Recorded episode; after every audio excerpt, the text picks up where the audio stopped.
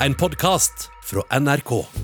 Hvorfor ofrer en søskenkjærligheten når arven etter foreldra skal fordeles?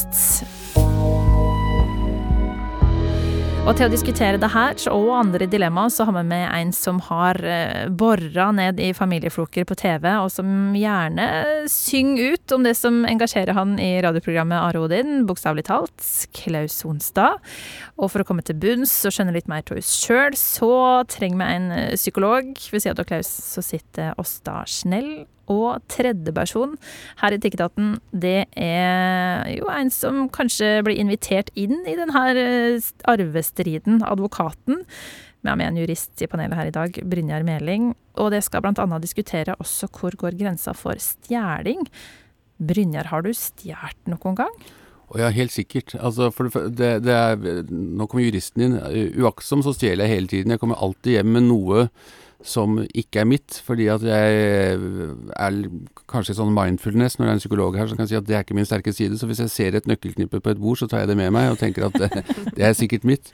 Eh, men, men, klart eh, eh, Stjeling eh, du vet, og det å, det, det å, sende julekortene, de private julekortene i, når vi sendte de i gamle dager Kanskje forklare for unge lyttere hva julekort er for noe. Eh, men, men eh, de gikk jo kanskje ofte i firmaposten, i, i frankeringsmaskinen der, ja. eh, og, og, sånne småting. Eh, Så ikke helt plettfri vandel? Nei, og så er det jo litt sånn disse disse trofétyveriene, da, med, med, med, et eh, fint ølglass hjem fra byen, har det vært en del av opp gjennom årene. Eh, sikkert mange som, som har eh, ser et eller annet glass i hylla på kjøkkenskapet som, som eh, de vet opprinnelsen av, men er ikke så veldig stolt om hvordan det, hvordan det kom dit. Mm, Klaus, har du noen, eh, noen gjenkjennelsesfaktor i det her, eller? Ja. ja. På det meste som ble sagt, ja. egentlig. Check. Så har jeg jo også ja, jeg har jo en gang virkelig bevisst stjålet, da. Men eh, angra meg jo veldig fort etterpå. Hvor var det, da? Det var, da var jeg ganske liten, så stjal jeg en bil fra samvirkelaget i Klæbu der jeg vokste opp. Oi. Idet jeg gikk ut døra, uh, så angra jeg meg sånn, så sprang jeg hjem og henta en hammer i garasjen, og, så, og, og ned i en dal ved der vi bodde, og så knuste jeg den lille lekebilen. Altså da ikke rukket å leke med den i det hele tatt. Så spredde jeg da de her bevisdelene ut, og, ut i gresset. og Stjal aldri igjen som liten gutt, så det var en kort kriminell karriere. Men da stjal jeg, med vitende og vilje, altså. Og lærte av det? Ja, jeg lærte jo av det. Ja. ja vil si det. Åsta, har du plettfri vandel, eller?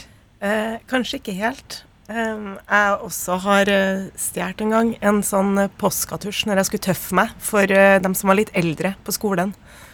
Påskatusj? Det var sånn som de som var litt sånn eh, De der tøffe taggerne. Brukte dem for å tagge. Mm. Også, ah, sånne som de, når de skriver de her ja. signaturene sine. Ja, ja. Og de eldre de var jo eldre enn en oss. Vi var noen venninner som skulle tøffe oss, og da stjal vi en påskatusj for å imponere, da. Uh. Så det var jo selvfølgelig jeg, jeg, kom, jeg, kom, på et enda grovere tilfelle, jeg. Altså, det, dette, blir, dette, blir, en tøff prosess, kjenner jeg. Det, jeg. jeg. husker at eh, jeg var i tennishallen som helt ung gutt. Og der, det, der lå det en veldig fin fil av treningsbukse. Og den klarte jeg å overbevise meg selv at den var sikkert noen som hadde gjenglemt, så den kunne jeg ta. Og jeg, jeg, jeg, eh, kom hjem, og den lå og skreik mot meg i bagen. Um, og eh, ja, jeg ble eh, hjemsøkt av dårlig samvittighet, sånn at eh, den ble med tilbake og hengte opp på samme plassen neste tennistime. Eh, så det var, det var, åpenbart at det var noe som het, selv om kanskje ikke folk tror det, at det er noe som heter samvittighet her inne et sted. Høres ut som det har et relativt godt justert kompass, vil jeg si. Og grunnen til at jeg spør om det her, det er at det ene dilemmaet som jeg skal innom i dag, det er hvor masse er det greit å ta fra arbeidsplassen før det blir regna som stjeling. Og så um, en ting til jeg skal spørre dere om uh, før vi går i gang, som jeg bruker å spørre om her i Etikketaten, det er hva det tror på. Klaus, hva har du trua på? Ja, eh, jeg tror på det gode mennesket. og så har jeg i det siste Jeg har hørt på en utrolig spennende spesial av Abelstårns forgård. Det er jo der de sitter og diskuterer en sånn time og litt mer tid til å fordype seg. Og da var han skuespilleren han, Svein Tindberg der, sammen med en fysiker. De snakka om et stykke han jobber med nå, med Gude, gudepartikkelen. Mhm. Og det CERN-prosjektet, alt det der, ikke sant. Og det nøytroner og protoner som drar kjempe, kjempe, kjempe, kjempelangt fra hverandre, og så bare samtidig så snur de og, og, og fyker i motsatt retning, da. Og, og sånne ting, så begynner de å knytte litt opp mot det med the big bang, og kanskje det var starten på Kanskje det er Gud, ikke sant, og begynnelsen. Og, og da fikk jeg litt sånn Hei, kanskje det er noe mer der, ikke sant. Som jeg, jeg er jo en agnostiker, da. Men sånn at det, det er det. Det er noe mer, men jeg vet ikke hva det er. Jeg vet ikke om det handler om en gud, da. Men at det er noe at vi er en del av noe større i det her gigantiske universet, hvor vi foreløpig virker som vi er helt alene. Og det går an å tro på både vitenskapen og Gud. Ja, jeg anbefaler virkelig hvis uh, Altså, den, den episoden var eh, helt utrolig sterk. Jeg gikk meg tur og hørte på og ble litt sånn oppløfta. Ja.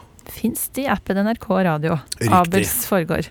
Eh, Brynjar, hva med det? Hva tror du på?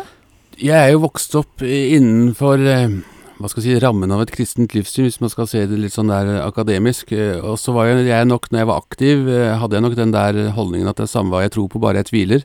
Eh, Sånn at eh, jeg, jeg, jeg, har, en- jeg har en god venn som heter Reidar Larsen, som er ved siden av å være en fantastisk bluespianist, eh, så er han også filosof. Og han sier alltid sånn med den grove stemmen sin Først må vi da, når noen spør om tro på Gud, så må vi spørre hva er det å tro, og hva er Gud?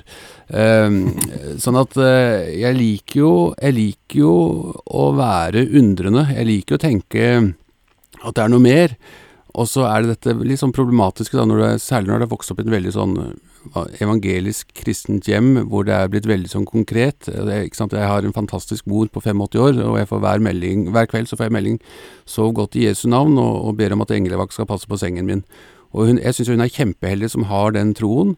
Og så kjenner jeg at jeg har eh, beveget meg bort ifra det, men, men jeg tror jo veldig på at man skal forsøke å gjøre gode ting mot andre. At det er, at det er på en måte det viktige. Så jeg har, jeg har jo sansen for mye av hva skal jeg si, etikken og, og budskapet, og spesielt det Jesus sto for. Og så tror jeg kanskje at jeg tror kanskje han hadde blitt litt forbanna hvis han skjønte at folk hadde tatt han litt for langt, og tatt han litt for eh, Ikke sett at han ofte snakka i symboler.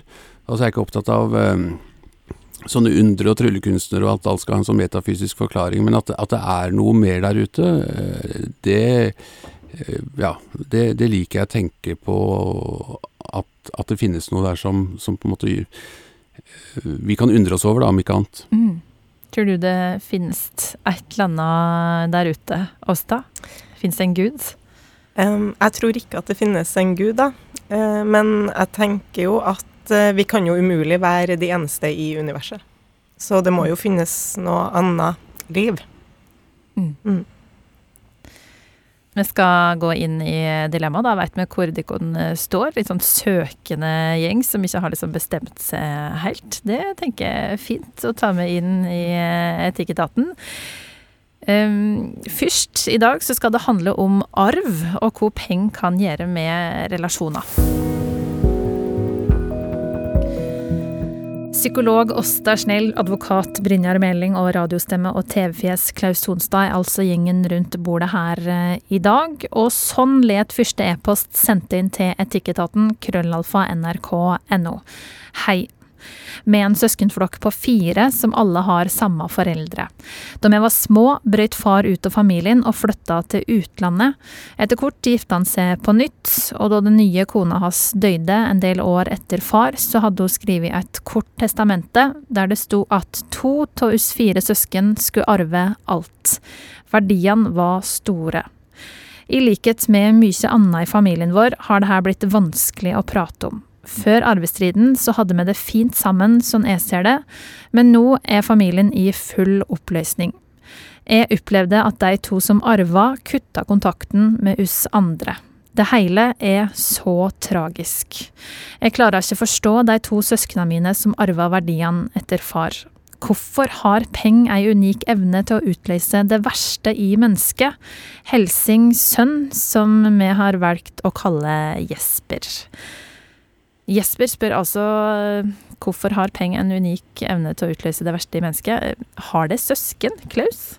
Ja, jeg har eh, to søstre og så en eh, stebror som jeg egentlig vanligvis kaller broren min. da. Ja. En liten flokk der. En liten flokk der, altså. Ja. Ja. da? Ja, jeg er eldst av fire søsken. Ja. Mm. Eh, hvordan er det med det, Brynjar? Jeg er yngst av fire søsken, så jeg har to eldre brødre og en eldre søster. Ja. Ok, da litt eh, likheter med, med Jesper eh, her. Hvorfor er det sånn at arv får fram det verste i hus da, Brynjar? Det er et sånn advokatuttrykk som sier at du, du, kjenner ikke familien din før du har vært gjennom et skifteoppgjør. Uh, og det er nok mye i det. Uh, jeg kom til å tenke på en, en, en, sånn vits som jeg hørte da jeg var liten gutt, om de to brødrene som uh, stekte seg speilegg på lørdag formiddag, og så tar han ene, storebroren, tar det største egget, og så lar han lillebror få det minste. Eh, så sier lillebroren sånn 'Hvorfor skal alltid du ta det store egget?' Så sier han 'Ja, hvilket hadde du valgt?' 'Jeg hadde valgt det lille.' 'Ja, da fikk du som du ville, det òg', sånn. Eh, så det er jo litt sånn det, det, som er interessant med det brevet der, er jo om, om denne Jesper har tenkt hva, hvordan han ville ha, ha, gjort hvis han var en av de to. Eh, så er det òg noe annet interessant ved det, som er jo at det er de to som ble tildelt arven, som trekker seg ut. Og Det syns jeg var det interessante. Eh, det var i hvert fall ikke fokus på bitterhet. Eh, nå kan det godt være at, at det er pga. at han som skrev det mangler selvinnsikt, at de er, kanskje de to er skjøvet ut, det vet jeg ikke. Men hvis, hvis vi legger det faktum til grunn, da, for å bruke advokatspråket igjen, at de to trekker seg ut, så er jo det ganske interessant. For da er det Da opplever jo de kanskje at de har fått noe som de ikke fullt ut hadde fortjent. Eh, men, men, det er helt klart at vi, vi, vi ser jo som, som advokater eh, krangler om de mest utrolige ting. Skiftesaker kan ta fram det verste i oss, altså. Da må vi til psykologen Asta. Hvorfor er det sånn? Ja, det er jo um, det, Teksten her uh, fra innsender høres jo først av alt veldig vondt ut, da. Og det er jo mye følelser i, i arv, og når oppgjøret skal, skal skje. Og det å bli eh, ekskludert fra eh, arveoppgjøret, eller bli gjort arveløs, da, eh, tenker jeg er jo en stor avvisning. Mm. Mm. Burde, en ikke, burde en ikke en sånn sorg, som ofte arv er en del av, mm. klare å hente fram liksom rausheten i hus, Klaus? Um, jeg, sitter, nå, jeg føler at denne diskusjonen så jeg, der ble jeg truffet som privatperson. da, som som har, eh, har eh, si, erfaring med begge deler. Eh, med veldig mislykka arveoppgjør og dårlige og gode, da. Det kan være at, du, at den du skal få, har lite. Nesten ingenting. Og det er nesten ingenting du vil ha, men du vil gjerne at det skal stå at du får det samme som de andre. De har prøvd å gjøre det rettferdig. Det er jo det, det, der det blir solgt. Og hvis man f.eks. har en sånn situasjon der man har sånn etter tur, ikke sant. At du skal plukke fra en haug med bøker eller andre ting som betyr Og så, ta, så tar den eh, Altså den ene ja, men 'Den der boka vet du at jeg er så glad i.' Jo, men nå tok jeg den boka, og så er det jo i gang, ikke sant. Mm. Så det, det, er veldig vanskelig. Det kan, så, ja. det kan, jo bli en sånn bekreftelse på Eller en sånn endelig bekreftelse på 'OK, da var du glad i meg', eller, eller 'OK, da var du kanskje ikke glad i meg'. Mm. Uh, det er jo det som er så, så følelsesladd her, da. Mm. Men kan du si noe om hvorfor det ene oppgjøret gikk bra, og det andre gikk ikke bra? Er det noe Ja, det, det ene gikk jo ikke bra fordi at det var det, det ble opplevd at det var skjevfordeling og urettferdig eh, på mange plan, og at det ble dårlig også da, da de her folkene skulle ordne det, prøve å ordne opp sammen. Og det førte jo til Det har jo ført til at sånn som eh, søstrene mine og jeg, vi, vi, vi, tok oss veldig på tak for å få til det der. Eh, fordi at vi i familien har liksom eksempel som vi kunne vist. Ikke sant? Så nå må ikke vi gå ut på den samme eh, trøblete stien, sant. Så vi maksa virkelig. Og per i dag så er vi jo venner og sånn, men vi, vi jobber for det, da. Mm. Og det er jeg ganske glad for, for vi skal jo forhåpentligvis leve ganske lenge sammen. Og det har blitt uvenner for noe ubetydelig, egentlig ubetydelig, som er viktig for den, den da som ikke får det, sant. Mm. Det, ja, for det sier du noe. For jeg tenker jo at i, sånn som det kan framstå fra den um, saken her, da, mm. så høres det jo ut som om at um, søsknene som får arven, er med å videreføre denne um, avvisninga, mm. eller den splittelsen imellom, uh, imellom søsknene, så skulle f.eks. her de søsknene som fikk pengene, eh, sagt at nei, men vet du, pappa var like glad i oss alle, eh, og vi deler selvfølgelig den arven her. Hadde det kunne gjort Hadde det vært viktigere Um, ja, det, det, var, det, er et veldig godt poeng, for Brynjar, du snakka om det med altså Du sa for at det er de, de, de trekker seg ut, og det, når det handler om store penger, da, så blir det jo altså, bøker og ting som har affeksjonsverdi, er noe, er noe eget. Og så det at, at, at det er så mye penger at det kan bidra til at du får eh, bedre livskvalitet, eller du kan hjelpe ungene dine ikke sant, med bolig, eller at det blir sånne summer. Eh, og det er jo et godt spørsmål, ikke sant, det her uh, som advokaten stiller. Hva ville du sjøl ha gjort, innsender, hvis du hadde fått sånn? Da plutselig sånn Oi! Nei, men jeg syns jo det, det sto jo i det sto jo i det ferdige papiret at det var oss, da. Jo, men det er jo så urettferdig. Jo, jo, men det ble jo sagt arv, arv, ikke sant. Det, men da, hvis man hadde vært stor, da. Hvis man hadde klart å vært litt Jesus, da, så hadde man sagt vi deler likt. Sant? Og det er Så er det i hvert fall ingen tvil i min sjel, om jeg nå har en, at eh, det hadde gjort noe med den søskenflokken. Det tror jeg. Og hadde du kanskje også vært lykkeligere hvis du hadde visst at du har tatt et godt moralsk valg, og du har søskenrelasjonene dine i takt, eh, framfor å ha de ekstra millionene. Fordi forskning viser jo at vi blir, eh, vi blir litt lykkeligere av penger, men opp til en viss eh, grad. Ja. Sånn at vi blir eh, lykke og økt inntekt. Eh, det har en sammenheng fram til, eller opp til at vi har så mye penger at vi slipper å bekymre oss. I Norge nå tror jeg det var sagt at det var cirka 6, at du har en inntekt på opptil 600 000 i året. Etter det blir du ikke lykkeligere jo mer du tjener. Da blir det eh, Jeg vet ikke om du blir ulykkeligere heller, men, men du blir i hvert fall ikke lykkeligere. Eh, så om de her på en måte, Det spørs jo hvor mye penger det er snakk om her, men om de eh, hadde blitt lykkeligere av mange millioner, eller noen millioner Mm. Det er mm, kanskje andre ting som har kunnet ha bidratt Mm. til den uh, lykken. Men Brynjar, når du sitter i et rom med en familie som har et uh, oppgjør der de ikke blir enige, hva tar du fram da for at de skal komme til enighet? Det er, det er et veldig godt spørsmål, fordi at jeg som advokat og jeg som privatperson er jo så to forskjellige, så jeg, jeg er jo en sånn eh, Jeg skal ikke si at jeg mangler evne til å stå opp for meg selv, men for, for meg sjøl så er jeg i hvert fall sånn at alt for husfreden. Og jeg hadde aldri på en måte satt noe på spissen, eller liksom ja, ta det, ta det, slapp av, eh, jeg fikser, jeg klarer meg. Det er liksom min grunnholdning. Eh, Og når du da plutselig skal da ta på deg eh, rustningen å gå og kjempe for noe som du kanskje ikke selv ser verdien av, så, så må du ha en profesjonell distanse til det. Eh, og så er det jo også sånn at eh, vi som advokater, det er, det er to typer advokater, pleier jeg å si. No, noen som tror at de alltid er den som har rett, og motparten alltid er den som har feil. Og så tenker jeg at, eh, tenker jeg at det er likelig fordelt. At jeg både har eh, engler og drittsekker i porteføljen min, og så prøver jeg å snakke litt fornuftig med det, og si liksom sånn, jeg må høre, det er eksempel et eh, Altså eh, det kan være at ting er rettferdig selv om ikke du opplever det. fordi den, den, Jeg tror jo den rettfer rettferdighetsfølelsen som folk har mest av, det er selvrettferdigheten.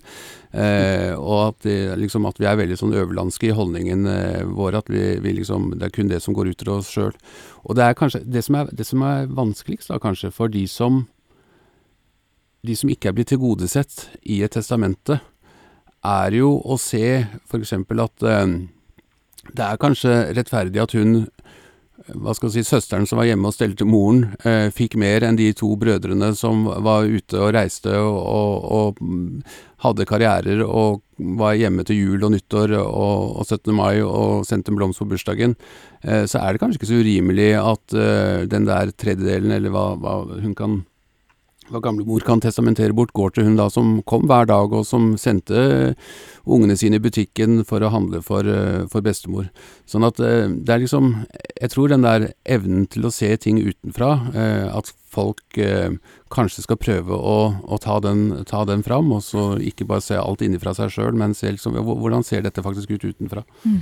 Og i det rommet der oppgjøret skal tas, så høres det ut som det trengs eh, jurister, men også psykologer og diplomater og det ene og det andre, egentlig. Det er ikke bare jussen du slår i bordet med der, eh, Brynjar, når eh, det her skal løses? Nei, men, men det er veldig, veldig interessant akkurat det der med eh, det momentet når det signeres en avtale. Eh, uten, å, uten å lage noe jusforelesning, de siste 15-20 årene er domstolen blitt veldig opptatt av å mekle. Altså De skal prøve, altså det kalles rettsmekling. altså Det skjer dommeren eh, Det er veldig fint. Vi, vi, vi sitter på hvert vårt rom, og så flyr dommeren imellom og, og fordeler forslag og, og, eller kommer med forslag og diskuterer løsninger. Eh, og bare de siste to årene så har jeg hatt fire-fem sånne saker hvor de Altså, jeg er jo en sånn advokat som de kommer til for når, når alt annet har gått gærent, så tror de ja, da får jeg gå til Brynjar. Eh, og da, da, har de inngått det forliket fordi de, det var så veldig press i den situasjonen. Og så etterpå så angrer de, ikke sant. Altså, søren, det var jo press i situasjonen som gjorde at jeg signerte på dette, ikke fordi det var en, eh, noe jeg ville. Men så er det jo den der og den der verdien av å bli ferdig med ting, eh, er jo ja, kanskje vi som da har levd noen år som advokater, ser den der verdien kontra Altså, ja, jeg kunne fått et bedre resultat hvis jeg vant fram i retten, men fytti katta så deilig er det å være ferdig. Nå setter jeg strek, og så tenker jeg at, uh, at livet går videre. Så det er mindre bitterhet hvis det kommer en dom, fordi da har de ikke vært med på å avgjøre det her uh, sjøl? Det, der, altså, eh, det er noen som sier at en god dom eh, er når den som taper saken skjønner hvorfor han har tapt og syns det er rettferdig. Eh, det tror jeg er et veldig sånn Skjer det? Eh, ja. Eh, jeg tror det er veldig ambisiøst eh, utgangspunkt for en dommer, men, men, det, men, men det, er klart Årsaken til at det ofte blir rettstvister, er jo, er jo at man, man, har en veldig sånn rettferdighetsfølelse knytta til det, enten, enten, det er et arveoppgjør eller et annet skifteoppgjør. Mm. Det kan si sånn, sånn, bare basert på erfaring med å ha mista begge mine foreldre, da. Det at uh, garasjen min og kjellerboden min er full av ting sant, ja, som jeg ikke har funnet plass til, og det står bilder i kjellergangen. Og, altså det er noe med at vi, Og vi har, vi har ikke krangla, vi, vi fordelte jo, vi, vi klarte det jo. Mm. Men det er jo ting som også står der. Masse ting som jeg ikke har funnet plass til. Og det er et annet ja. ja. ja, men altså, Ikke som et dilemma, men sånn, det, det, det, er også viktig å huske på i et arveoppgjør når, man, eh, når det går ei kule varmt, da, og man, eh, man, mister litt gangsynet. For 'jeg skal ha det, og så skal jeg ha det'. Det der bildet tar du ikke. Sant, ja? og, så, og så til slutt så sitter man der med alle de tingene, da, og så minnene og sånn, så stues det bort, og så står det noe der. Til du en dag. Og så, hvem, Jeg husker ikke hvem i familien som sa det, og det er jo en sang, men du, du kan ingenting ta med deg dit du går. Sant, dit vi skal alle sammen. Da får ikke vi med oss noe. Ikke bilder, ikke penger, ingenting. Da har det ikke vært noe. Og da er tilbake til det Åsta sa. Kanskje man skal satse på å ha det hyggelig med familien sin og søsknene sine eh, mens man lever på jorda, eller ofre litt for det. da. Mm. Ja, for jeg syns jo det er eh, høres så vondt ut det her at de som fikk penger nå har på en måte Og de som ikke fikk pengene har blitt to forskjellige grupper. Og det gjør vi jo ofte. Eh, I strid så blir det jo sånn inngruppe-utgruppe-mentalitet.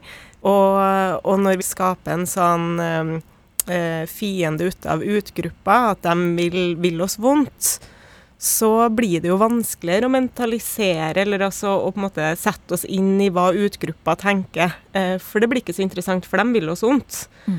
Eh, og det vil jo være med å opprettholde en, en splid, men også kanskje gjøre det lettere å stå i det og, og ta den avgjørelsen og rettferdiggjøre sine egne valg.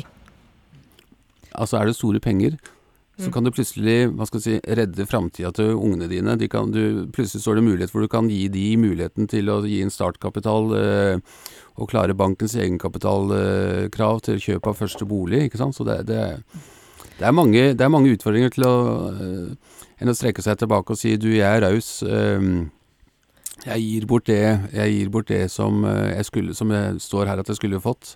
Penger bringer fram det verste i oss fordi at penger er jo med og gir nettopp uh, trygghet. Men så er jo samfunnet vi lever i, bygd opp rundt uh, økonomi og penger, og det å ha mye penger er en fordel i den verdenen vi lever i. Og det vil også være med å gi status. Uh, og vi har en tendens i vår verden til å favorisere mennesker med høy status. Og det å, oppnå det, uh, er det mange som vil gå langt for, da. Og som er en vega hva som er verdt mest, om det er pengene og tryggheten eller eh, søskenkjærligheten. Mm. Vi skal videre til neste dilemma i Etikketaten.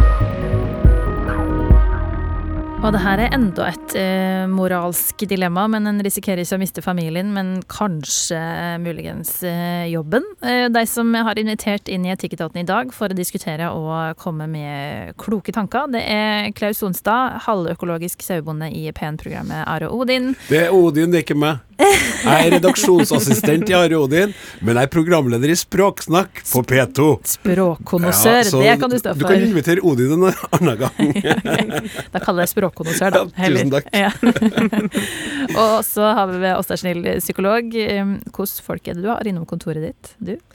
Du, jeg jobber på en eh, døgnavdeling på et distriktspsykiatrisk senter. Eh, Så der har jeg eh, Vi har to avdelinger. En krisekorti, det ligger jo litt i navnet. Der er det mennesker som er i en eh, akutt krise, vanskelig livssituasjon, eller har en plutselig økning i symptomer. Eh, Og så har vi en allmennseksjon som er mer planlagte, gjerne litt lengre innleggelser der vi gjør utredning eller behandling over litt, eh, over litt tid eh, på avdelingene. Vil det si alle aldersgrupper? Eh, 18 og oppover. 18 oppover. Ja, så det er voksne. Eh, mm. okay. Og alle eh, typer psykiske lidelser har vi innom, da. Mm. For en spennende jobb. Mm. Mm. Jeg syns det er veldig artig. Og så har vi med Brynjar Meling, eh, advokaten som har sagt at eh, Mulla Krekar er min Grand Prix-låt. Det sitatet der, det syns jeg er så fint. Ikke så mange som kan eh, si det. Um, neste dilemma som dere skal få dykke ned i, og som er sendt inn til oss på e-post til etikketaten krøllalfa nrk.no, det er det her. Hei, til sommeren så skal jeg gifte meg. Hurra! For noen dager siden så sto jeg bøyd over den store og sikkert veldig dyre printeren på arbeidsplassen min, og så at den spydde ut 43 fargerike invitasjoner i et hakkende kjør. Så slo det meg, er det her stjeling? Og hva med kulepennene, notatblokkene og kaffekoppen med logo som er i bruk hjemme? Hva er det egentlig greit å ta med seg fra jobben før det blir stjeling? Helsing umoralske Ulla. Klaus, hvor masse kan hun ta?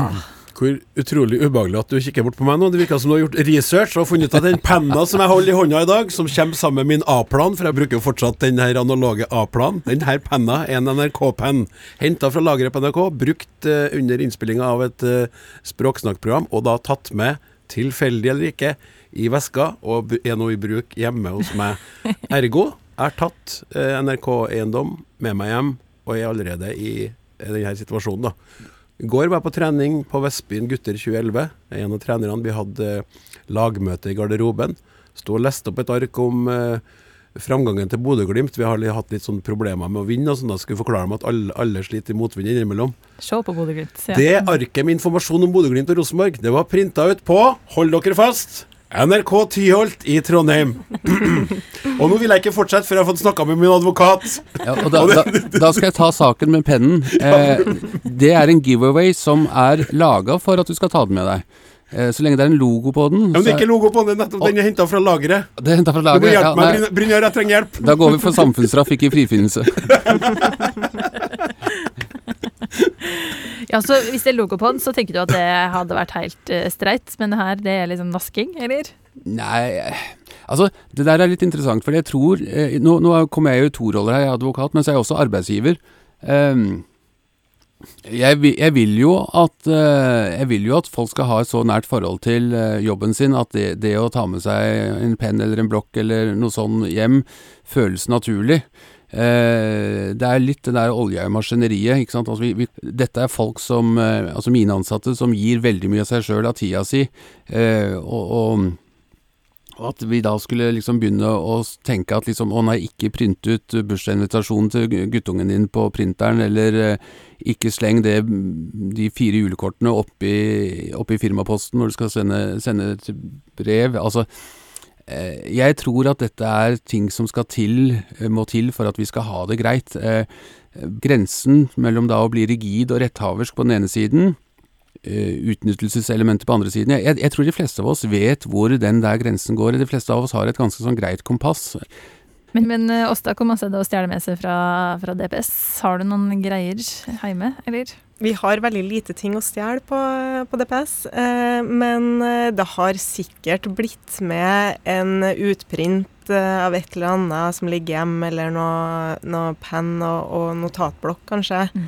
Eh, det vil jeg anta. Men ser du det over skuldra når du printer ut på jobb? Er det litt sånn uh, ubehag oppi det hele, hvis det er liksom invitasjoner til Ja, for der, der tenker jeg med invitasjoner og sånne ting som, er, som skal brukes uh, på privaten, kan man ikke spørre, da? Jeg har tenkt på det samme. Uh, hvis vi skal gå over til temaet som altså innsenders uh, problematikk da for øvrig, må jeg si at det var et søtt antall på bryllupet. 43 stykker. Det sånn- Det er ikke noe bondebryllup, men det er jo en gjeng.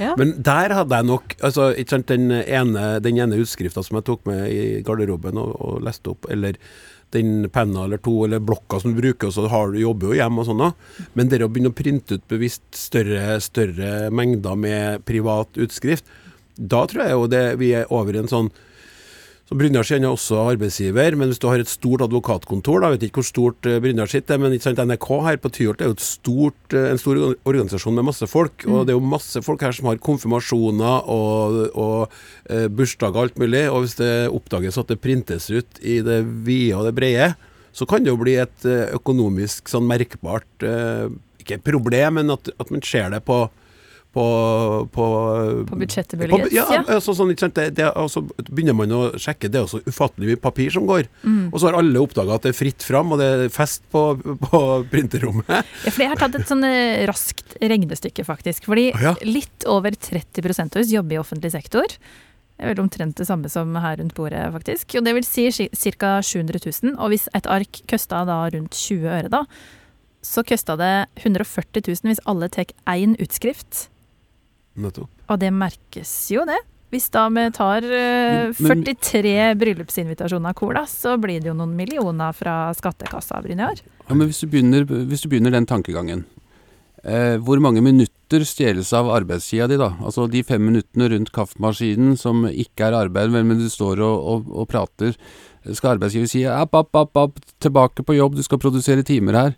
Eller skal man tenke at det er et trivselstiltak? Altså eh, det, er jo, det er jo en ja, man kan sette opp sånne regnestykker, men, men eh, det, kan, kan jo være at kanskje jeg burde ansette en blåruss til å ta ansvar for økonomien i firmaet. Det, det kan være, men, men jeg tenker at man skal være litt rause og litt sånn rundhånda. Så er det klart at det er stor forskjell på på eh, noen få invitasjoner og det å ta hele borettslaget sin eh, årsberetning på 400 sider og i 30 eksemplarer. Altså, sånn at eh, Men jeg, jeg tror de Brynjar, fleste Ja. Hadde du ikke blitt litt, eh, kanskje litt glad og, og rørt av meg da, hvis en ansatt hadde spurt eh, om, du, om de kunne få lov å printe ut bryllupsinvitasjoner, at du kunne få lov å være med å bidra til bryllupet? Jo, jo, jo. jo. Det var litt Eh, hyggelig. Ja, ja det, det er jo ingen som vil bli tatt som en, selv, ingen vil bli tatt som en selvfølge. Kan du gi en Eh, litt tynnere blomsterbukett uh, i gave når Ja. bryllupet står? jeg, jeg håper og tror at mine ansatte hadde kommet og sagt at liksom du, er det greit at jeg tar ut en, eh, printer ut eh, invitasjonene, vel vitende om at jeg hadde sagt ja. Og så kan det jo det andre være da at hvis man vet at sjefen sier ja uansett, hvorfor skal man da spørre? Dilemma. Ja, Men ja der det er et godt poeng. Ja, nei. Der eh, kan det være eh, litt sånn at eh, hvis man føler på, eller har en sånn oppfatning av at man ikke får godt nok betalt for sitt harde arbeid på arbeidsplassen, så eh, føler man seg litt mer berettiga til å småstjele litt. Ja, kanskje, kanskje det, Brynjar. At eh, du må bare eh, hvis, hvis det er mange som snylter på greier på kontoret, så har de litt for dårlig lønn. Ja, men, men det, hos meg så er det jo det. Derfor så tenker jeg at jeg skal være litt raus. Altså, poenget er at jeg jobber med fri rettshjelpssaker. Sånn at mine ansatte konkurrerer jo med advokater og advokatmekter som eh, jobber i firma hvor de kan ta to og tre ganger så mye i timen som det vi tar for, for våre timer. Så de vet at jeg har små marginer. De, vet at vi har en helt annen verden enn enn hvis det står eh, et fint brevark fra Vika i Oslo eller eh, Aker Brygge. Eh, men, men nettopp derfor så tror jeg kanskje at jeg eh, jeg skal i hvert fall ikke være kjip på de tingene. Altså, Det er min holdning som arbeidsgiver. ikke sant? Jeg skal, da, skal jeg i hvert fall, da skal de vite at eh, ikke står vi med stoppeklokka, og ikke står vi og, og, og sjekker om de har tatt med seg eh, bryllupsinvitasjoner hjem i veska når de går fra kontoret. Men hvor går grensa for dere? Det er jo det Ulla spør om her. Hvor hvor er innafor å ta med seg også? Er det Hvor går grensa for det? Jeg tenker jo at uh, sånne penner som blir med, det tror jeg skjer med alle. Ehm, jeg har jeg snakka med ei eh, for ei tid tilbake, eh, husker jeg nå, som fortalte at hun stjal alt mulig fra jobb. Kunne til og med ta med seg f.eks. en rull med dopapir. Og da tenker jeg, da går du jo bevisst inn. Så kanskje der, da, der hvor du går bevisst inn for å ta med deg eh, for egen eh, gevinst hjem, eh, idet du kjenner at du bør se deg litt over skuldra, eller at du håper ingen ser deg nå, Mm. kanskje du holder på å krysse grensa da? Ja. Jeg har eh, sett en undersøkelse som er gjort, den er rett nok noen år gammel, som viser at eh, mer enn en firedel av norske arbeidstakere syns det er helt eh, greit å ta med kontorrekvisitter til privat bruk. Men hvem tror de kan tøyde grensene mest? Jo, det var altså menn mellom 20 og 34 år med høy universitetsutdannelse. Så det henger ikke sammen med utdanning heller, det greiene her. Stort studielån, stort studielån. Ja, det er sant. Vil ikke betale ned, trenger noe kaffe og noe penner. Yes! Er det greit å kaste ut sønnen på 19 år fra barndomsheimen? Det spørsmålet skal dere få løft å diskutere snart. Men først så skal vi bli litt mer eh, kjent med dere. Eh, Nå skal dere få lov til å trekke et spørsmål fra Hellig Graal. Jeg strekker meg til deg, Klaus. Mhm. Da strekker jeg meg fram og tar en lyseoransje lapp. Har du et kall i livet? Ja. Mm. Eh, hvis jeg skal si eh, på sittende fot, så er det vel å mm, prøve å Ja, jeg liker jo å gjøre andre glad. Det gjør jeg, altså. Ikke nødvendigvis den beste gleden du kan ha, men en av dem Så det at å spre glede, se folk, det prøver jeg å gjøre. Mm. Så um, noen dager Jeg går ikke sånn, sånn bevisst inn for at i dag skal jeg se masse mennesker, men jeg, jeg merker noen ganger når jeg er på det gode stuket mitt, er i balanse i meg sjøl, så kan jeg legge merke til store og små. Eh, eh, jeg kan, ta en kort historie? Jeg, var, jeg gikk på vei til jobb. da Jeg begynte å gå veldig mye. Det er også ekstremt bra, for da får du meg mye mer i, i sanntid. da Og så var det ei dame som gikk foran meg, så gikk hun litt sånn halvsakte. Og så gikk litt sånn rart Og så kommer jeg bort på sida, og så går hun og sminker seg. Ganske voksen dame hun går og sminker seg. så sier jeg Oi sann, den var ny! Og så sier hun ja, du vet, det er ikke så lett når man har fire unger som skal ut og på skole om morgenen og få tid til seg sjøl. Og da gikk hun og, og sminka seg på vei til jobb. Og det var så herlig syn. Og etterpå, jeg, jeg ble så oppløfta, og hun flirte jo sjøl. Og skjønner, det, det tok jeg med meg hele veien til jobb. Jeg hadde jo ganske langt igjen å gå. Eh, Sånne ting, da. Og det, det, det høres jo helt tullete ut å sitte og si det, så flosklete og klisjéaktig, men det er livgivende, rett og slett. Det gjorde sikkert dagen hennes også. Ja, håper jeg det. I hvert fall uh, fram til jobb, da. Ja. Ja. Åsta, har du et kall i livet? Som psykolog så bør jeg sikkert si eh, å hjelpe eh, andre mennesker. Eh, men jeg syns også det er et kall eh, eh, å ha det gøy. jeg. Ja, og det tror jeg man har, sånn som du sier der, eh, Klaus, at, eh, at det å ha det gøy sammen med andre, Mm. og gjerne fremme deg eh, på gata, Ja, så ikke bare for en sjøl. ikke bare for en sjøl. Spre glede. Mm. Mm. Mm. Brynjar, hva er ditt kall i livet? Ja, det er et godt spørsmål. Eh, jeg vokste opp eh, som barn av eh, frelsesoffiserer. Og de snakket jo om at de hadde et offiserskall. Altså både moren og faren min hadde vanlige jobber når de var midt i 20-årene. Og kjente da at Gud kallet de til å bli offiserer i Frelsesarmeen, så de solgte det de eide og hadde. Og eh, reiste på, på Frelsesarmeen sin krigsskole, som det het den gangen. Og, og, og moren min lever fortsatt, er fortsatt eh, på en måte offiser i Frelsesarmeen og har et kall som skal vare livet ut. Eh, sånn at jeg, jeg er jo veldig dus med det begrepet, eh, og hva det innebærer. Men det betyr nok at jeg kanskje har lagt lista litt sånn høyt for hva som er et kall. Eh, men hvis jeg har et kall til det jeg driver med, så opplever jeg i hvert fall Altså det er, det er De gangene jeg tenker at dette er mer enn en jobb, er når jeg, jeg føler at eh, jeg står i en situasjon hvor, hvor det, dette Altså som kanskje er litt umenneskelig. Eh, blant annet altså noe som oppleves som veldig sterkt, som jeg da tenker at nå, nå er jeg midt i et kall. Eh, det er ehm, Det høres kanskje litt sånn brutalt ut, men, men når jeg kom, blir tilkalt i en drapssak, når det sitter en person som har tatt et annet menneskes liv, eh, og, og jeg vet at jeg er den eneste han har som ikke på en måte fordømmer han der og da, men ser han som et menneske som har gjort noe, eh, da tenker jeg at den delen av jobben er et form for et kall.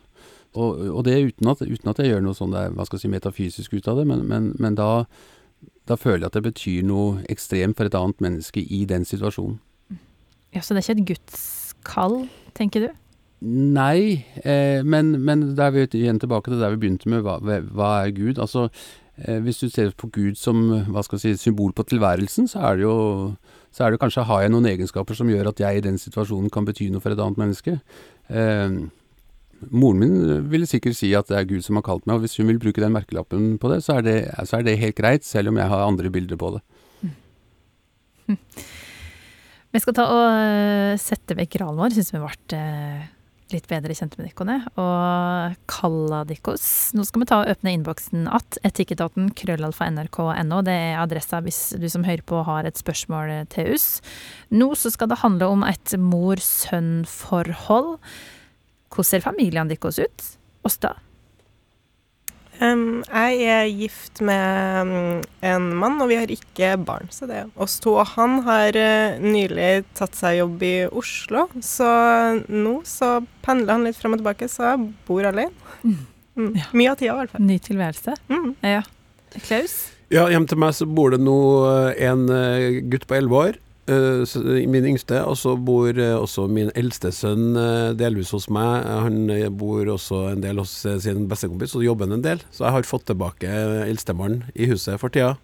Så jeg vil bare si at jeg føler meg ganske klar for å diskutere det her dilemmaet som straks blir presentert. altså en datter som bor i Oslo, ja. som er 19. Ja, se her. Ja. Og det er jo den alderen vi skal inn i. Mm. Brynjar, eh, hvordan ser din familie ut? Hvor lang tid, hvor lang tid har vi? jeg, jeg, bor aleine. Så har jeg fire voksne barn mellom 20 og 30 som eh, er henholdsvis ferdigstuderte og studerer. Eh, og så har jeg en eh, liten eh, syvåring, eller blir syv i mai, eh, som da springer fritt mellom meg og moren og, og har det, har det veldig bra med det. Da må vi tegne familietre, Dikos. Da skal vi inn i dilemmaet. Brynjar Meling, Klaus Sonstad og Åsta Snell. Vi skal altså inn i et dilemma inspirert av et anonymt debattinnlegg i Adresseavisa. Ei mor forteller historien om da hun sto overfor et vanskelig valg. Skal jeg kaste ut sønnen min, eller la han få fortsette å bo hjemme? Hun skildra en 19-åring som levde glade dager på gutterommet. Han søv på dagen og var vaken på natta. Droppa middagen med familien, men et gjerne to og tre porsjoner framfor PC-en på natta. Ikke bidro han med noe til fellesskapet heller, med unntak av en stor produksjon oppvask, klesvask, i tillegg til at han hjalp godt til med å tømme kjøleskapet hjemme. Som mor skriver, jeg holdt på å klikke. Etter kort så satte mor foten ned og stilte tydelig krav til denne eh, sønnen. Skal du bo her, så må du hjelpe til. Og hun truga med at hvis han ikke gjorde det, så måtte han flytte ut. Og vi spør da er det greit å kaste ut sønnen sin. Brynjar? Ja. Ja, rungende ja. Et rungende ja. Eh, ja, Klaus, er det ja eller nei fra det? Tja. Tja. Åsta? Ja, kjør på. ja, ok. Modig gjeng her. Eh, hvorfor sier du ja, Brynjar? Jeg hadde Jeg, jeg har, eh, hadde et kjempegodt forhold til mine foreldre. Jeg krangla aldri. Har ikke, eller jeg har ikke krangla én gang i hele mitt liv med foreldrene mine. Det kan jo være at det var fordi at noen var premissleverandører, eh, og så kan det jo godt være at det bildet jeg tegna av faren min nå, høres ut som det var en husdyrspot, men det var han ikke. Eh, første gang jeg kom eh, for seint hjem, i hvert fall så de oppdaga det, da var jeg 19, var akkurat ferdig på videregående skole. Eh, så kom jeg hjem klokka Hadde akkurat begynt å date en, en, dame, og så kom jeg hjem klokka tre på natten, og da sitter pappa i stua nede. Så sier han her i huset så er det å være inne før klokka tolv en husordensregel som har ikke noe med myndighetsalder å gjøre. og Årsaken er at mamma ligger våken og venter på deg og får ikke sove. Sånn at hvis du ikke har tenkt å overholde de, så må vi snakke om om du skal bli boende her. Så det, men da tror jeg, for at vi ikke vi skal få noen konflikter fremover, at det er best at jeg flytter. Ja, det er nok det, det altså. Så flytta jeg dagen etterpå. og så, og så, dette var litt sårt for pappa når jeg fortalte det senere i livet, at liksom jeg tok det så dramatisk. Men, men det, var, det, var, på mange måter ikke så dramatisk. For jeg man, man, Altså, husordensregler skal man ha respekt av. Um, og det å la den eh, Du vet, eh, salige Per Inge Torkelsen hadde jo en, en, av de fantastiske vitsene hans, sa at likheten mellom dagens ungdom og Jesus er at de bor hjemme til de er 30 år, og hvis de gjør noe, så er det et under. Eh, og, og, det er jo det, det, er, det er jo å, å, la han uh, slabbe dasken av en ungdom bo hjemme uten å stille krav, det er jo beste eksempel på å gjøre han en bjørntjeneste. Han, han blir jo ikke rusta til voksenlivet i det hele tatt, og ikke til å ta ansvar. Så eh, enten så får han eh, stille opp, og jeg, jeg syns òg at det er rimelig krav om at hvis, hvis eh, de i det huset eh, syns det er fint med familiemiddag, så får han være med på det og være med en del av fellesskapet, eller så får han uh, gå på huet og ræva ut og finne seg en hybel et eller annet sted. Ja. Punktum. Punktum. Åsta, hvorfor er du så på at han her kan kastes ut? Jeg har jo en oppfatning av at foreldrene til de som er ungdom og unge voksne i dag, eh, er veldig mye mer redd for å sette grenser og stille krav. Um, og her har du en gutt som lever livets glade dager, skrives det. Eh, og det gjør han jo fordi han har eh, får lov til det, han har mulighet til det. Og alt legges jo til rette eh, for at han skal kunne, kunne sitte på rommet og være våken hele natta. Han får mat, han får internett, han får Det er sikkert Jeg vet ikke hvem som har betalt for PC og for alt her, men jeg antar at det er foreldre, da. Mm. Um, så terskelen for å gjøre noe annet blir jo høyere og høyere. Er Eh, og jeg vet ikke om dette er hans beste å bli sittende der.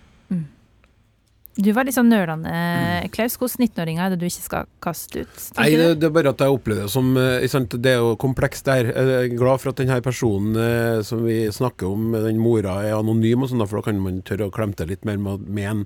For det, sånn, Litt av problemet ligger jo i at det her starta jo mye før det, det eksploderte eller kulminerte i denne fortvilte situasjonen. Starter jo med at du ikke har oppdratt barnet ditt til å ta ansvar, være en del av familien, ta oppvasken. For det er jo der og da at denne 19-åringen driter i å ta oppvasken. Det skjedde ikke over natta. Det, det, nei, det skjer jo ikke over natta, det skjer jo over år. Barn vil være barn så lenge de kan, hvis de får lov. Altså, jeg kom hjem til mora mi mens han levde. La meg på, på benken og, og stappa meg selv med vafler og oppførte meg som en fjortis og spurte om skal jeg hjelpe deg å vaske opp. Nei da, det går fint, sa hun. Sa jo alltid det. Jeg kunne ha reist meg opp og hjulpet å vaske opp. Jeg ble en guttunge. Ja. Det? Og det er det mange som blir. Ja, Ja, vi, vi, mange blir 14 vi søker jo til Vi vil jo det. Ja. Så hvis vi får lov, så klart vi vil være unger. Det er ingen som vil bli voksen. Det, er også, det voksen er jo det, er kjedelig. Når du blir voksen, så skal du være voksen for resten av livet. Alle vil jo utsette å bli voksen så lenge de kan. Han 19-åringen sitter jo bare og, og tenker Hvor lenge kan det her fungere, liksom? Men Det skjer. Ja. Skjer det her da nå i dag fordi at uh, ja, barn vil gjerne unngå eller unnvike å bli voksne så lenge som mulig, men i dag har vi kanskje en voksen eller en foreldregenerasjon som også er veldig unnvikende, som ikke kan si nei, og som ikke setter grenser tilstrekkelig, kanskje, eller stiller nok krav. Ja. Og da får du veldig unnvikende ungdom og unge voksne Ja, og pluss også. at vi har voksne som ikke helt vil være voksne heller, som også spiller dataspill, som går på festivaler, som prøver å spille den samme musikk. Så du får, du sånn- får et sånn eh, merkelig møte. Ja. Møte på midten, ikke sant. Mm. Og jeg kjenner jo sjøl at jeg syns det er vanskelig å sette klare grenser og være konsekvent, for det er jo konsekvensen. Det er jo tilbake til Bryn- Brynjar Melings far, ikke sant, som er så glassklar, som ikke, ikke skaper noen overraskelser for den 19 år gamle uh, mannen som har vært på date. Det er ikke noe overraskelse at faren der sier at det er stringent, det, det, har, liksom, det, det er logikk. Mens vi hopper litt fram og tilbake, så plutselig blir du streng en periode. Så, Nå er det nok! Her er hengt opp ei tavle, og vi skal gjøre sånn og sånn. Hvem sliter mest med å følge det opp? En sjøl, ikke sant? For livet er ikke så ryddig som man vil ha det til. Så, ja, ja, men i dag er det ikke så farlig. Og for en unge er det jo helt håpløst. Men du sa jo i går at det, nå var det reglene der ufravikelig. Jo jo, men akkurat i dag. Akkurat da går det greit. Men hvor tror du pappaen din kjente på da, Brynjar, når han hadde dårlig samvittighet etter å ha satt ned foten? Jeg tror nok han eh, Han var nok redd for at, eh, at han var sett på som en streng far, eh, og at det var nærmest frykt som gjorde det. Eh, Han hadde klare rammer, og, det fikk konsekvenser hvis man gikk utenfor de.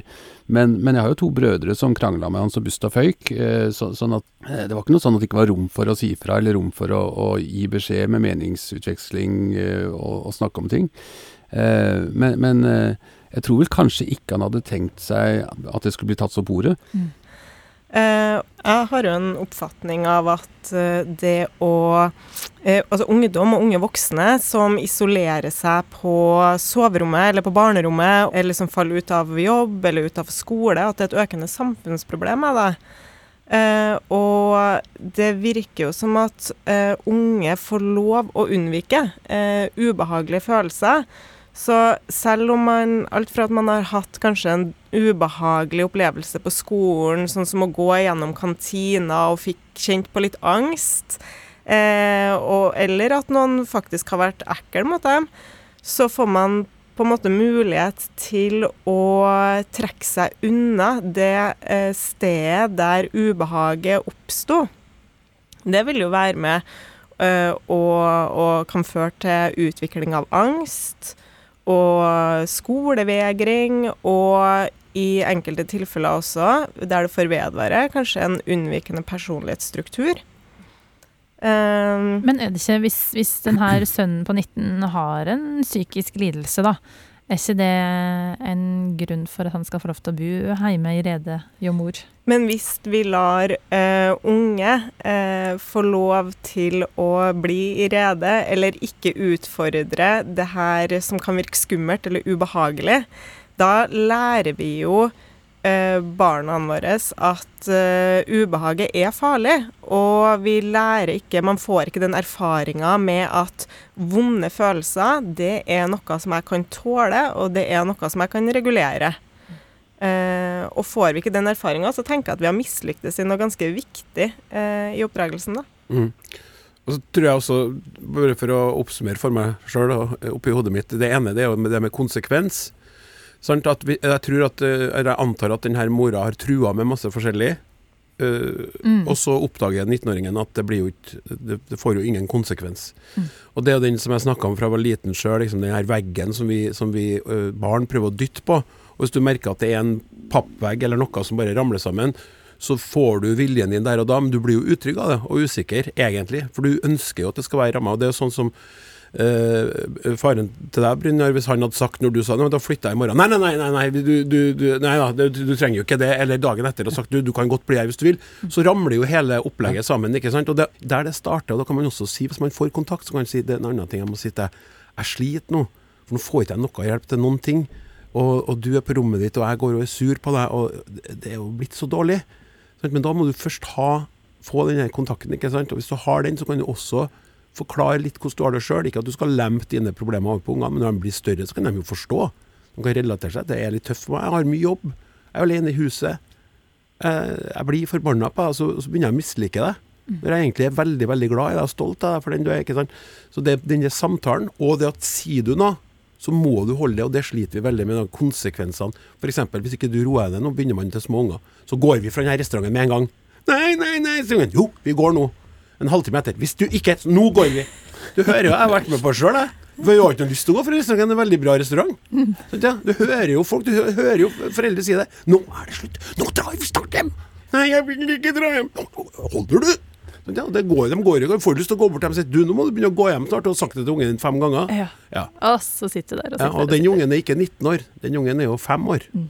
Men fins det noen 19-åringer som faktisk kan få bo hjemme? Nå ser jeg på psykologen, fordi det er jo jeg tenkte at liksom en psykisk lidelse det gjør at du skal få lov til å være i denne favnen til mor litt lenger. Men er det noen ting du tenker at du faktisk trenger denne tryggheten?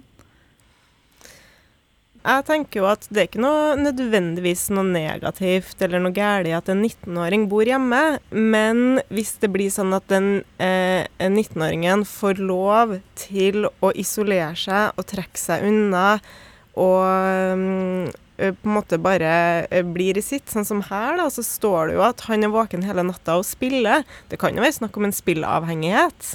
Og det er jo et problem. En avhengighet er jo alvorlig. Og jeg tenker hvis du da bor hjemme, så ville jeg i hvert fall ikke ha gjort det mer attraktivt å opprettholde den atferden enn å gjøre en endring. Mm man må jo ikke kaste den ut. Man kan jo f.eks. kanskje prøve å eh, røyke den litt ut, da. Eh, at eh, det er jo du som, som, er som forelder som betaler regningene. Skru av wifien, da. Det er ikke noe wifi hjemme her. Ikke betal mobilregningene. Det, du er 19 år, det kan du gjøre sjøl. Eh, kanskje jeg tar med meg den døra til soverommet her. Det er mye dør. Altså ikke gjør det så veldig attraktivt å sitte innpå det rommet og oppføre seg på den måten der, da. Jeg ville ha tatt døra helt til slutt. Det ja. Ja. andre, jeg støtter andre, men det, det, den døra som ryker, det må være siste skanse. Ja. Det er dårlig for hele familien. Da. Jaså, du kommer på jobb i dag med ei dør under armen? Ja. ja, jeg tok den fra sønnen min i morges. Er du spent på hvordan det enda med mor og 19-åring, eller? For det her, denne historien har jo fått en ende. Ja. Eh, mor endte opp med å be han om å pakke tinga sine, og kjørte han til en adresse i samme by som eh, en adresse hun ikke kjente til i det hele tatt. Visste ikke hvor det var han reiste til. Etter noen uker så ordna sønnen seg jobb. Han tjente opp penger til å reise, og farta rundt. Og nå så har de et eh, godt forhold. Det var fin slutt. Så bra. Godt å høre. Ja. Men det var nok med en stor klump i brystet at hun slapp han av på en ukjent adresse. Mm. Med ehm, er ferdig med Tikketaten i dag. Vi har bevega oss mellom eh, juss og psykologi, etikk og moral her i juss i dag. Og nå så er retten heva, som det heter, Brynjar. Advokat Brynjar Meling, kollega Klaus Sonstad og psykolog Åsta Schnell var de eminente folka i panelet her eh, i dag. Neste uke er vi tilbake med en annen gjeng, annet Dora Toralsdottir, terapeuten. Så hvis du som hører på har noen eh, floker i livet ditt som du gjerne skulle tatt opp med henne, og kanskje fått eh, andre sine tanker rundt, så kan du sende deg til oss på e-post til adressa etikketaten krøllalfa nrk.no. Du finner flere episoder i appen NRK Radio. Jeg heter Kjersti Anderdal Bakken, og med høyrest. Du har hørt en podkast fra NRK. Hør flere podkaster og din favorittkanal i appen NRK Radio.